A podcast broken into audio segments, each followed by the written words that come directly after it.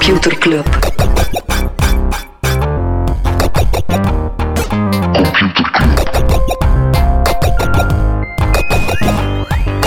Computer Hey Club. Smolly, Hey Freddy, welkom, welkom terug. welkom. Welkom bij Computer Club, een wekelijkse podcast over technologie. Iedere aflevering selecteren Freddy en ik een interessant artikel en presenteren we een feitje. Ja, en eh even terugkomen op iets waar dat we vorige week over hadden, over de warmte die vrijkomt bij datacenters en dat IBM die gebruikt om zwembaden te verwarmen. Wel, eh, enerzijds wist Freek te vertellen dat ze dat bij de persgroep ook doen. Dus dat ze daar ook het warm water van de datacenters laten vloeien. En Sibian vertelde dat ze op de sterren bij de UGent hetzelfde doen. Zot. Cool, hè? Cool. Moesten Ja. er nog andere toffe Belgische bedrijven zijn die dat doen? Laat het zeker weten, dat is altijd tof om te, om te weten en om mee uit te pakken op café. Yes. Allee, ik weet niet of dat daar mensen voor zouden vallen als date. Zouden techniek, voor maar vallen. Amai, wat voor dates zet jij op? ik weet het niet, ja. Hm. Ik Sorry. weet het niet. Ik heb iets dat ik het niet wil over hebben. Vertel. Het was weer een hele Apple soap de afgelopen week. Oké, je, je krijgt een halve minuut om het er niet over te hebben. Vertel. Wel, in een halve minuut in de trailer. Eh, Apple kwam in het nieuws met een redelijk schaamtelijke FaceTime-bug. Je kon eigenlijk mensen afluisteren eh, door hen op te bellen. En voordat ze opnamen, kon je eigenlijk al meeluisteren. Dus vrij gênant. En toen dat eh, Facebook hoorde van oei, Apple komt hier in het nieuws met slechte privacy-PR, dachten ze, wow, wow, dat is ons ding. En dan kwam uit dat Facebook hun developer license misbruikte om een soort afluister-app te maken. Het is eigenlijk een soort research-app die mensen hun gedrag in kaart brengt. Ze gebruiken daarvoor een Apple developer license, wat natuurlijk niet mag. En dan heeft Apple gezegd nee, nee. En dan hebben ze gewoon eh, die license ingetrokken. En van de ene dag op de andere werd er geen één interne Facebook-app nog. Zot. En hebben ze er niet daarna ook die van Google ingetrokken? Wel ja, inderdaad, dan kwam eh, Google proactief af van ja, we hebben ook een soort app die doet wel iets anders. Eh, het is niet helemaal hetzelfde, maar we hebben die alvast gedeactiveerd. En dan heeft Apple pro forma, en was kregen dan kritiek van oké, eh, je hebt wel gelijk, maar Google doet het ook. Dan hebben ze pro forma ook even Google hun license gerevoked. En dan van op afstand alles terug aangezet. Oh, Het is langer dan een half minuut, hè? het is iets langer dan een half minuut. Ja, maar dat dat dat perfecte topic kunnen zijn, maar ik ben het eerlijk gezegd een beetje beu. Zo de, de grote techreuzen die met elkaar clashen, Ja, Eh. kunnen we niet gewoon allemaal vriendjes zijn? Ja. Misschien ook iets dat we het niet over hebben. Eh, Spotify zou Gimlet Media gaan kopen. Super vet. Ja, dat zijn die mannen van Reply All. Eh, zeer coole podcast. Eh, moest ja. de, de Vlaamse Spotify moest die bestaan? Koop ons gerust voor 5 euro. Oh, laat ons alstublieft gerust met de Vlaamse Spotify. Ja, De Vlaamse Netflix komt dan niet van de grond. Laat staan dat er nog meer niet van de grond moet komen. Eh, maar het toont wel dat Spotify, blijkbaar menen ze het ook wel qua original content. ja cool, dus ben nog zo'n voorbeeld van een, ja, een, een platform die dan eigenlijk zelf ook content gaat beginnen maken. Hè? Mhm. Voilà. Freddy, ik Ja. wil het niet hebben over mijn eh, favoriete website of app die alleen ik gebruik. Waarom? Omdat we het daar volgende aflevering over zullen hebben. Ah, Hey, inderdaad. Volgende week is het tijd voor... onze dertigste aflevering. Ja, en terug een special waarbij dat we op zoek gaan. Dus alle suggesties, laat ze maar komen. We hebben dan altijd een heel coole. eh, met name, wat zijn eh, een aantal van je favoriete websites of favoriete tools die niemand anders kent? Ja. Ja, dus echt van die digitale lifehacks. eh laat ze maar komen en dan worden we er met z'n allen beter van. Digitale lifehacks of hele obscure websites die iedereen zou moeten kennen. Ja, inderdaad, obscuur mag zeker. Freddy, Ja, welk artikel heb je deze week gelezen? Ik, ga het, eh, ik zou het graag hebben over het feit dat we het afgelopen weekend de toekomst van entertainment hebben meegemaakt. Eh, met vertel. name samen, samen naar een virtuele mellowcake kijken. Marshmallow. Ja, het eh, optreden van een eh, zekere marshmallow in Fortnite. Een zekere marshmallow, zegt hij. Echt, Eh. ik zat vorige week hier met Wycliffe Jane uitgelachen te worden. Oké, Ik moet zeggen, die mens zegt mij niet echt. Ik, ik word ook, dat is een persoonlijke ding, ik word echt getriggerd door IDM. Voor mij is dat echt gelijk eh botsauto's uitkakken door mijn oren, maar dan omgekeerd of zo. Ik word er echt kwaad van. Dus die Marshmallow is, een, ja, is blijkbaar nogal een legendarische IDM-DJ of figuur. Eh, en die trad op op een virtuele stage in Fortnite. Mhm. Eh, en daar zijn zomaar eventjes 20 miljoen mensen die daar eh, live naartoe zijn gevlogen. En wacht, Fortnite kennen we uiteraard vooral als het spel waarin dat je elkaar kan afknallen, of waarin je 99 andere mensen op hetzelfde eiland moet afknallen. Wat, Ja. doet, wat doet Marshmallow daar dan? Wel, het gaat eigenlijk meer, en, en dat dat is eigenlijk wat, wat ik zo cool vind aan dat concept, want ik- oké, ik speel nu zelf geen, geen Fortnite.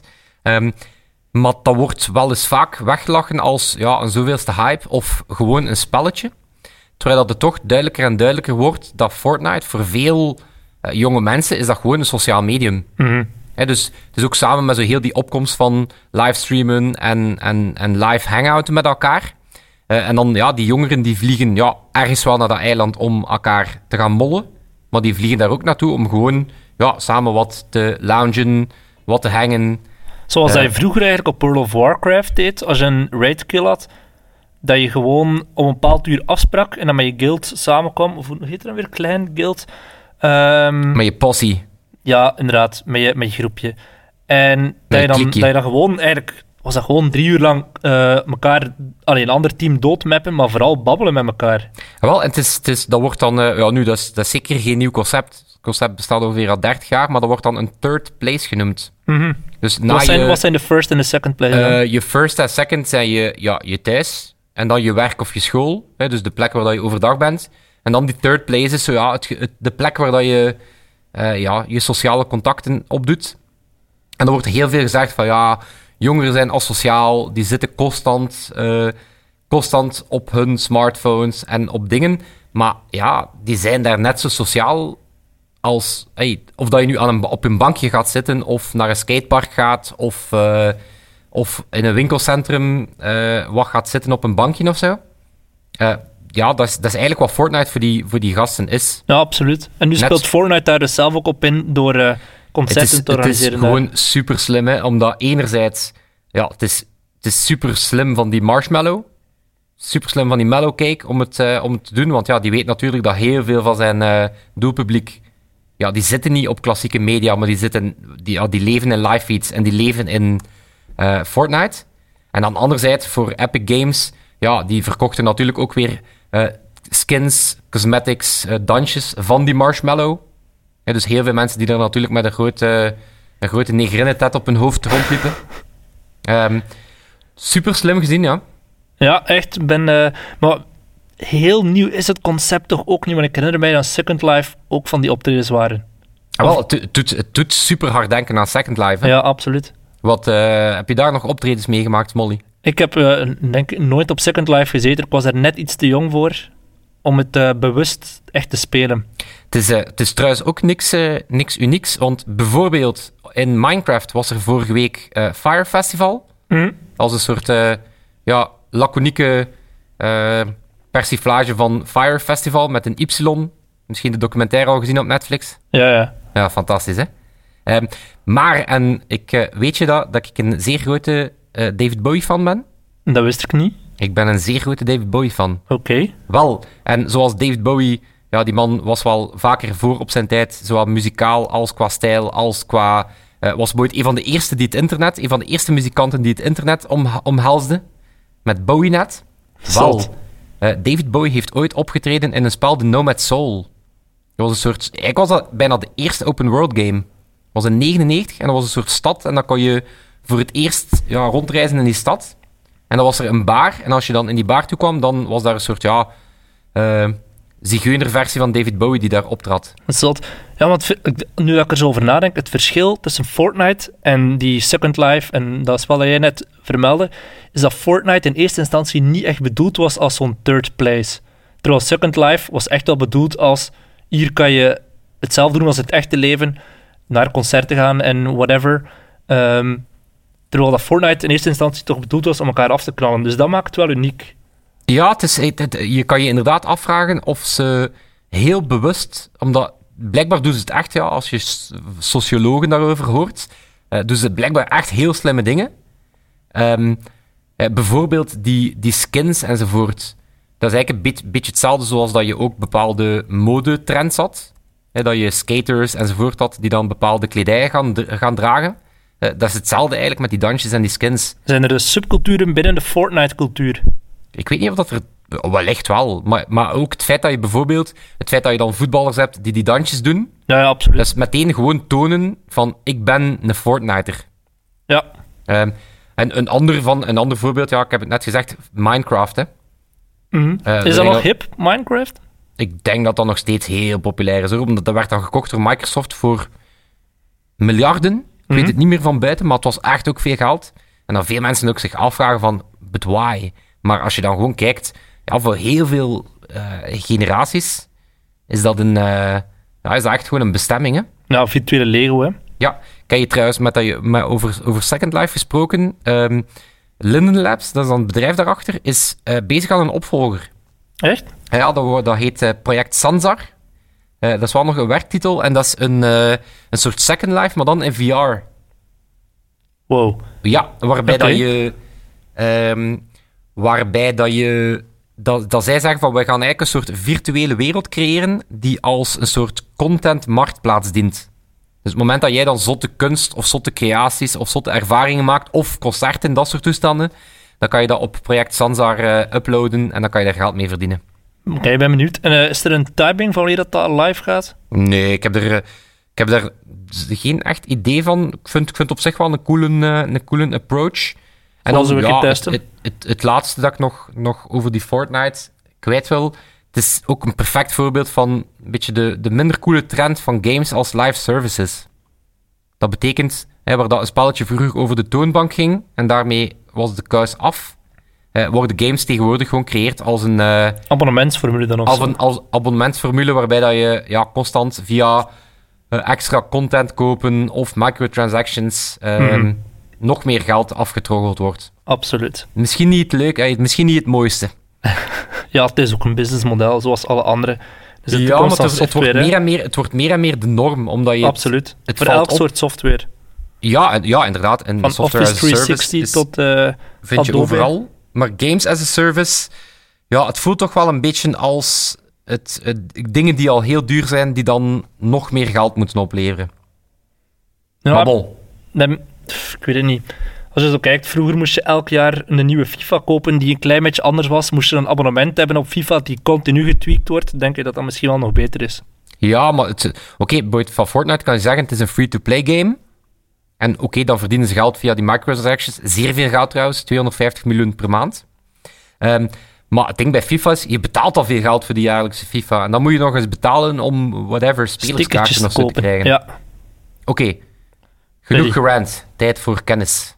Tijd voor een brokje kennis. Als jij Tijd mij een jingle geeft. Tijd voor een jingle. Tijd voor een jingle. Hoppakee. Computerklas. Merci voor de jingle. Tijd voor een computerfeitje. Freddy, Oeh. weet jij de codenaam voor Windows? De codenaam voor Windows. Ja, hoe dat project heette voor het echt Windows als naam had. Geen enkel idee. oorspronkelijke naam, of toch de, de projectnaam, was Interface Manager. En dat- ja, als je dat woord hoort, Jumpman. Dan denk je meteen, inderdaad, dat, dan zie je meteen zo'n saaie dude voor je die een stropdas draagt en gewoon in een grijs kantoor rondloopt. Echt zoals dat op Windows heel vaak is. Interface Manager. Interface Manager. Interface Manager 95. Ja, die codenaam, dat was eigenlijk niet de bedoeling dat mensen dat ooit zouden weten dat dat zo heette, maar omdat het zo lang duurde dat Windows eigenlijk echt een naam had, is die wel naar buiten gekomen, eh, omdat ze erover moesten communiceren. En uiteindelijk is het toch voor Windows gekozen. En dus, eh, er is een mooie blogpost van Roland Hanson, die was op dat moment het hoofd marketing van Microsoft. En die heeft zo echt vanuit een bepaalde filosofie gedacht van we moeten een naam voor een product kiezen dat, standaard is, maar moeten daar wel de naam Microsoft voor zetten, want we zijn op dat moment was Microsoft nog een onbekend bedrijfje. Dus daarom heb je bijvoorbeeld Microsoft Word, Microsoft Excel.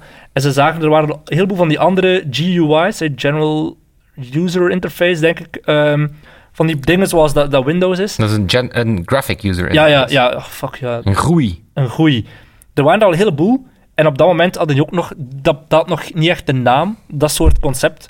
En die werden windowing systems genoemd. Ah. En toen zag die Roland... Oké, dan zullen we ons ding maar gewoon Windows noemen. Maar dan wel Microsoft Windows in het begin. Eh, maar uiteindelijk is dat gewoon Windows geworden... omdat mensen zodanig bekend werden met de naam eh, Microsoft. Het is wel Oeh. heel cool. Als je een beetje googelt, dan kan je screenshots vinden van Interface Manager... zoals dat in 1983 op een beurs getoond werd. Dus een heel bizarre wereld. Wat ik mij nu zit af te vragen. Mhm. ehm, we hebben het al een paar keer over Microsoft gehad. En het feit dat die ja, zich meer en meer op productiviteit en Azure enzovoort gaan richten.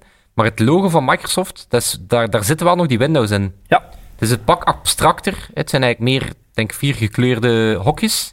Maar eigenlijk in zijn kern is dat nog een, eh, een afgeleide van Windows. Ja, ja, absoluut. Er is Dus- ooit een designstudent geweest die zich verveelde en die dacht, ik ga mij op, wat was het, drie, vier dagen tijd een keer een rebranding van Microsoft of van Windows ehm, maken. En dat is echt heel vet. Dat ging toen echt viral. Dus een paar, vijf jaar geleden of zo eh, had hij dat gedaan. Goh, Wat ik zo'n een, een nefaste mediatrend vind, is eh, het moment dat er dan een soort designer als hobby een rebranding doet of eh, een mock-up maakt van de nieuwe iPhone, dat gewone media dat dan overnemen. Ja, Van, wordt dit de nieuwe iPhone? Eh, ja, nee, dat is gewoon een of andere... dat is chef met te veel vrije tijd. Ja, dat is eigenlijk gewoon Rudy die zich eh, weer bezighoudt. Nee, Ja, nee, niet Oké. doen, dus moesten er journalisten Zalig. luisteren. Interface manager. Interface Manager. En een mobiele titel. besturingssysteem. Ik vind dat er gewoon iemand Mobile Operating System. jobtitel moet claimen. Interface Manager. Mobile Operating System 10. What the fuck. Cool. Oké, Smolly. Freddy, ik heb Wat ook is jouw, eh, jouw topic van deze week? Online advertising is dood. Ik ging zeggen online advertising. Ik ging zeggen, yay! Maar online advertising is dood. Ja, wel. Er zijn verschillende artikelen de voorbije maand gepubliceerd die daar wel een beetje kritiek beginnen plaatsen bij dat model, dat businessmodel van online advertenties. En voor het onlangs stond in de New York Times, dat ging over JP Morgan Chase, grote bank, die maandelijks reclame plaatste op 400.000 websites. En die op een bepaald moment dacht, ja, onze websites, onze advertenties, beginnen op te veel foute websites terecht te komen. Hey, je kent wel de Breitbarts en de extreemrechtse websites van deze wereld. Daarom dachten ze, we gaan een lijst maken met maar 5000 websites die, waar wij het akkoord vinden op, eh, om onze advertenties op te publiceren. En dus 5000 in plaats van 400.000. Je zou verwachten dat gaan een wereld van verschil maken in de outcome en in de prijs en in wat dan ook. Maar gek genoeg was er amper verschil in die Aha, metrics. dus probleem 1 van online advertising is dat die brands het niet zo cool vinden dat ze in allerlei dubieuze contexten terechtkomen. Ja, ik denk dat het misschien wel interessant is om een keer te kaderen hoe werkt zo online advertenties. Dus vroeger, heel vroeger, kocht je vaak een banner op één specifieke website. Jij zei, eh, ja, de website van, laten we zeggen, de tijd, die is mega cool. Ik ga daar één banner op kopen, omdat ik mij wil associëren met de tijd. En eh, dat publiek is het publiek dat ik voor ogen heb. Ja, dat, heet dan, dat, dat wordt dan zo wel premium genoemd. Zo van, Ja. hè, je, weet, je weet waar dat je terechtkomt. Ja. M- Daarna kwam er zo'n netwerk als Google, die dacht, ik ga de JC de Co van deze wereld worden. Ik ga al die banners bundelen. Ik ga een netwerk maken met, met miljarden websites. En ik ga al die advertentieruimtes, zijn een, een soort kadertjes. En adverteerders die kunnen zeggen, ik wil die ene persoon, ik wil Frederik de Bosser volgen. En in alle kadertjes, op alle websites die in ons netwerk zitten, moeten er advertenties komen die voor hem relevant zijn. Maar als iemand anders die website bezoekt, ziet hij een totaal andere advertentie die Ja. relevant is voor die persoon. Dat zijn dan display ads. Dat zijn eh, display-advertenties, ja. Dus je kan bijvoorbeeld zeggen, ik wil vanaf dat Frederik op mijn website geweest is, en nadien blijven volgen met een advertentie voor een product. Ja, Ja, inderdaad. En eh, dat, dat model heeft heel Amai, dat, lang... was een, dat was een authentieke kreun dat ik hier deed. Hm? Dat was echt een, een, een, een authentieke zucht. Een authentieke. Ja, Ja. wel, het verschil met, met televisie of een krantenadvertentie was lang dat je gewoon, je, je kocht het en je bereikte daar iedereen mee. Maar echt efficiënt is het natuurlijk niet, hè, want van de 1 miljoen mensen die HLN lezen, zijn er misschien een half miljoen die eh, wel geïnteresseerd zijn in pampers en de andere half miljoen niet. Ja, en dan de opvolger van die getargete display ads, dat is dan waarschijnlijk eh, Facebook en Ja, zoekmachine die ads die, super, die eh. super getarget gaan dan. ja absoluut. Dat En je merkt ook dat zo de, de klassieke media dat proberen over te nemen, dat model van targeten. SBS heeft zo samen met Telenet een aantal innovaties gedaan. Dus zij beweren bijvoorbeeld dat je op de Telenet Digicorder gericht advertenties naar, één, eh, of naar, naar een bepaald segment kan tonen. Zijn je nog mee? Ja, ik, ik, heb, ik wist niet dat ze het al konden. Ik wist dat er experimenten waren. Zij dat- beweren dat dat is uitgerold sinds september 2017. En ze maken er zelf ook al reclame voor op hun eh, website, voor, Ja. eh, om adverteerders mee te lokken, dus het zal wel al bestaan. Maar anyway, je moet heel hard vertrouwen op de Googles en de Facebooks van deze wereld. Facebook zegt, als je zoveel betaalt, dan bereik je daar 3000 mensen mee en die gaan zoveel keer doorklikken op jouw website. Google zegt hetzelfde. En je moet heel veel vertrouwen in hun leggen. Want er zijn onder andere, de correspondent heeft een heel lang stuk geschreven die, die, eh, waarin stond van, ja, de conclusie was, eigenlijk zegt Facebook en Google ook maar iets. En als adverteerder moet je daar gewoon in meegaan en snap je het... eh, is het eigenlijk niet eens zo efficiënt. Ja, wel, ik heb het stuk van de correspondent eh, ook, ook gelezen. Natuurlijk omdat het mij doorgestuurd had, Smolly. Uh-huh. Even die illusie doorbreken. Eh, en daar vond ik het een super interessante, die, ehm, die vergelijking met die pizza-flyers die ze maakten. Maar was die vergelijking... Wel, ze zeiden van... ehm, stel dat je, eh, dat je drie, drie pubers inschakelt om, eh, om reclame te maken voor je, pizza, voor je pizzakot. Mhm. Hè, je geeft die kortingsbonnen. En dan blijkt dat één van die drie... eh, zijn kortingsbonnen die worden massaal eh, gebruikt. Hè, dan zou je denken... Oeh, dit is een supergoed marketingkanaal. Ik moet, die, ik moet daar nog meer op inzetten. Ja. Maar, maar wat als die puber gewoon in de inkom van je, van je pizzazaak staat? Ja, ja, dan bereiken dus de mensen die sowieso al van plan waren om En naar dat was denk website ik gaan. een van de boodschappen van de correspondent is, ja, eh, trek je wel degelijk nieuwe mensen aan of betaal je voor een stukje mensen die toch al op weg waren naar je product? Ja, ja, je merkt het bijvoorbeeld als je eBay, of ik zeg nu maar eBay, of als je bijvoorbeeld ehm, de morgen zou googlen, dan zie je daar helemaal bovenaan een advertentie van de morgen staan. Ja, hallo, ik heb net jouw website gegoogeld, je moet me niet nog een keer adverteren om mij eh, te laten klikken op jouw website. Of het meest hatelijke is een retargeting van iets dat je al gekocht hebt. Ja, dat ik snap het, eh, het moment dat ik iets aan het bekijken ben, dat je mij dan nog wat meer probeert eh, te achtervolgen, maar zet alsjeblieft gewoon een tracking eh, op uw checkout page, want ja, het is echt gewoon belachelijk. Ja, ja. Maar anderzijds denk ik dat online advertenties in sommige gevallen wel nog nuttig kunnen zijn. En ook, het hangt er vanaf hoe dat je het natuurlijk implementeert. Ja, maar ik moet, ik moet zeggen, als je de, het, het ad-platform van Facebook bekijkt. eh, allee, ik ben er geen super, ik ben geen groot fan van het, eh, van het bedrijf, dat zal intussen wel duidelijk zijn. Eh, maar die zitten wel op, op een targetingmachine. Ja, absoluut. Daar kan je wel niet aan twijfelen. Hè? Ja, en daar, kun je ook, daar moet je echt gebruik van maken als adverteerder. En ik denk dat het heel belangrijk is, zoals dat de correspondent bewijst, als mensen sowieso al vertrouwd zijn bij jouw merk, dan is het niet echt relevant om die mensen te bereiken of die mensen te targeten. Maar als stel dat je een nieuw product lanceert, of dat je een nieuw bedrijf bent, of in, met je een bestaand bedrijf in een nieuwe markt wil gaan, dan is het natuurlijk wel belangrijk hè, om daar eh, mensen te targeten die je sowieso niet zou bereiken anders, of die je niet organisch zou kunnen bereiken. Ja, Stel, je wil met jouw bedrijf naar Frankrijk, dat is een markt die je totaal niet kent, dan is het natuurlijk wel belangrijk om een aantal advertenties te targeten op Franse CEO's of eh project managers of ja wie- maar ik denk dat, dat, dan dat, ook. dat, dat in zijn kern komt erop neer dat de, ja, de ROI, zoals het dan eh business technisch heet, de return on investment van marketing. ehm, we dachten dat we die via eh, digitale kanalen perfect gingen kunnen meten. Attributie, zoals dat dan heet. En Mhm. dat we perfect gingen kunnen zien eh, wat is de impact van een bepaalde advertentie en leidt die ook tot een verkoop.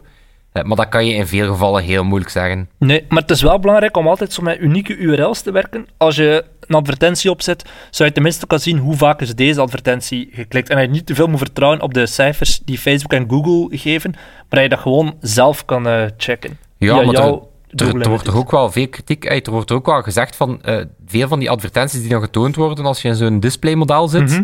eh, is de vraag: worden die getoond aan echte mensen of gewoon aan een of andere uh, zoekmachine-robot die Ja. op die pagina passeert? Ja, ja, en ook zeker met de opkomst van adblockers gaat dat alleen nog maar moeilijker worden. hè. Steeds minder mensen kun je bereiken, want steeds meer mensen hebben een adblocker opstaan. Ja, ik las trouwens onlangs in een eh, in JWT 100, dat is, wat, wat, dat is eigenlijk wel echt een van de beste trendrapporten die erop staat. Dat is ongeveer het enige dat ik echt lees.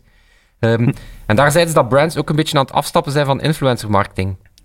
Eh, omdat één, eh, de volgers van die influencers beginnen ook wel te zien van ja, heel veel van wat ik hier ziet is verkocht. En dan anderzijds stellen die adverteerders zich ook meer en meer vragen van ja, hoe echt zijn die, zijn die volgers nog? Ja, Dus, ik denk wat, eh, dat, wat dat daarbij belangrijk is, wat je ook doet als adverteerder, is dat je mensen zo snel mogelijk naar jouw platform moet kunnen lokken om die dan zelf ehm, in contact mee te komen. Dat ze een e-mailadres achterlaten en dat je die kan identificeren van ah, dat is Frederik de Bossere, dit is zijn e-mailadres en zijn contactgegevens. Ik kan daar zelf net elke week een mailing En naar sturen. daarmee, daarmee dat, eh, dat wat, wat, wat wellicht de interessantste challenger wordt. Want ehm, ja, mag je ook niet onderschatten, het duopolie van Google en Facebook is enorm. Ja, absoluut. Eh, 64% van de globale digitale advertising gaat naar twee bedrijven. Eh, maar Amazon ja, heeft een grote ambitie om, eh, om ook een grote speler te worden. En wat die interessant maakt, is één, ze hebben de CRM-inzichten, dus ze weten wat je koopt. Eh, en het is een marktplaats waar je meteen kan kopen. Ja, het is vooral dat. Hè. Zij dat kunnen bepalen van... die... Jij stijgt in de ranking van de top 5 populairste wc-papierproducten. En dat heeft direct impact op jouw verkoop. Ja. Heb je nog, eh, om af te sluiten, Smolly, heb je nog tips voor adverteerders? Nee, dus je moet het zelf maar uitzoeken. Ja. Dus, kort samengevat, online advertenties. Werkt het, werkt het niet? Eh, iedereen vindt als ambetant. Marketeers staan er wantrouwig tegenover. Vrolijke noot om af te sluiten. Ik denk dat marketeers gaan zeggen het werkt perfect, maar dat adverteerders vooral eh, realistischer beginnen zijn. En dat zij beginnen zeggen, ja, maar meneer nou, de marketeer, toon mij nu een keer zwart op wit waarom het wel en niet werkt. Ja, maar het is, het is inderdaad... eh, Het is, wellicht is het ook gewoon een defensieve strategie, want... ehm, eh, weet je, in onze branche wordt er ook eens gezegd, als je, met, eh, als je dure consultants hired, gaat niemand, eh, gaat niemand je ontslaan. Ja, Hè, dat is zo van, ja, weet je, ik heb gedaan wat er moest gebeuren. Ik heb hij zal duur zijn, dus hij weet wel wat hij zegt, dus zal geen bullshit verkopen. Voilà. En dat staat met advertenties. Ja, maar ja, ik heb de juiste campagnes opgezet, dus het zal alles mijn fout niet zijn dat Yep. de sales niet vooruit gaan. Niet geloven. Voilà, niet geloven. Alright, Smolly. Dan, dan zit het erop voor deze week, hè. Zit erop voor deze week, volgende week de dertigste aflevering. Ja, dus nogmaals, je suggesties voor eh, de meest handige websites, tools, de meest obscure shit. Vertel het ons. Het moet één grote ontdekkingsreis worden. En dan gaat enkel nog onze amigo Sebastiaan de hè. Yes, bedankt Sebastiaan. Yo. En eh, tot volgende week. Computer Club.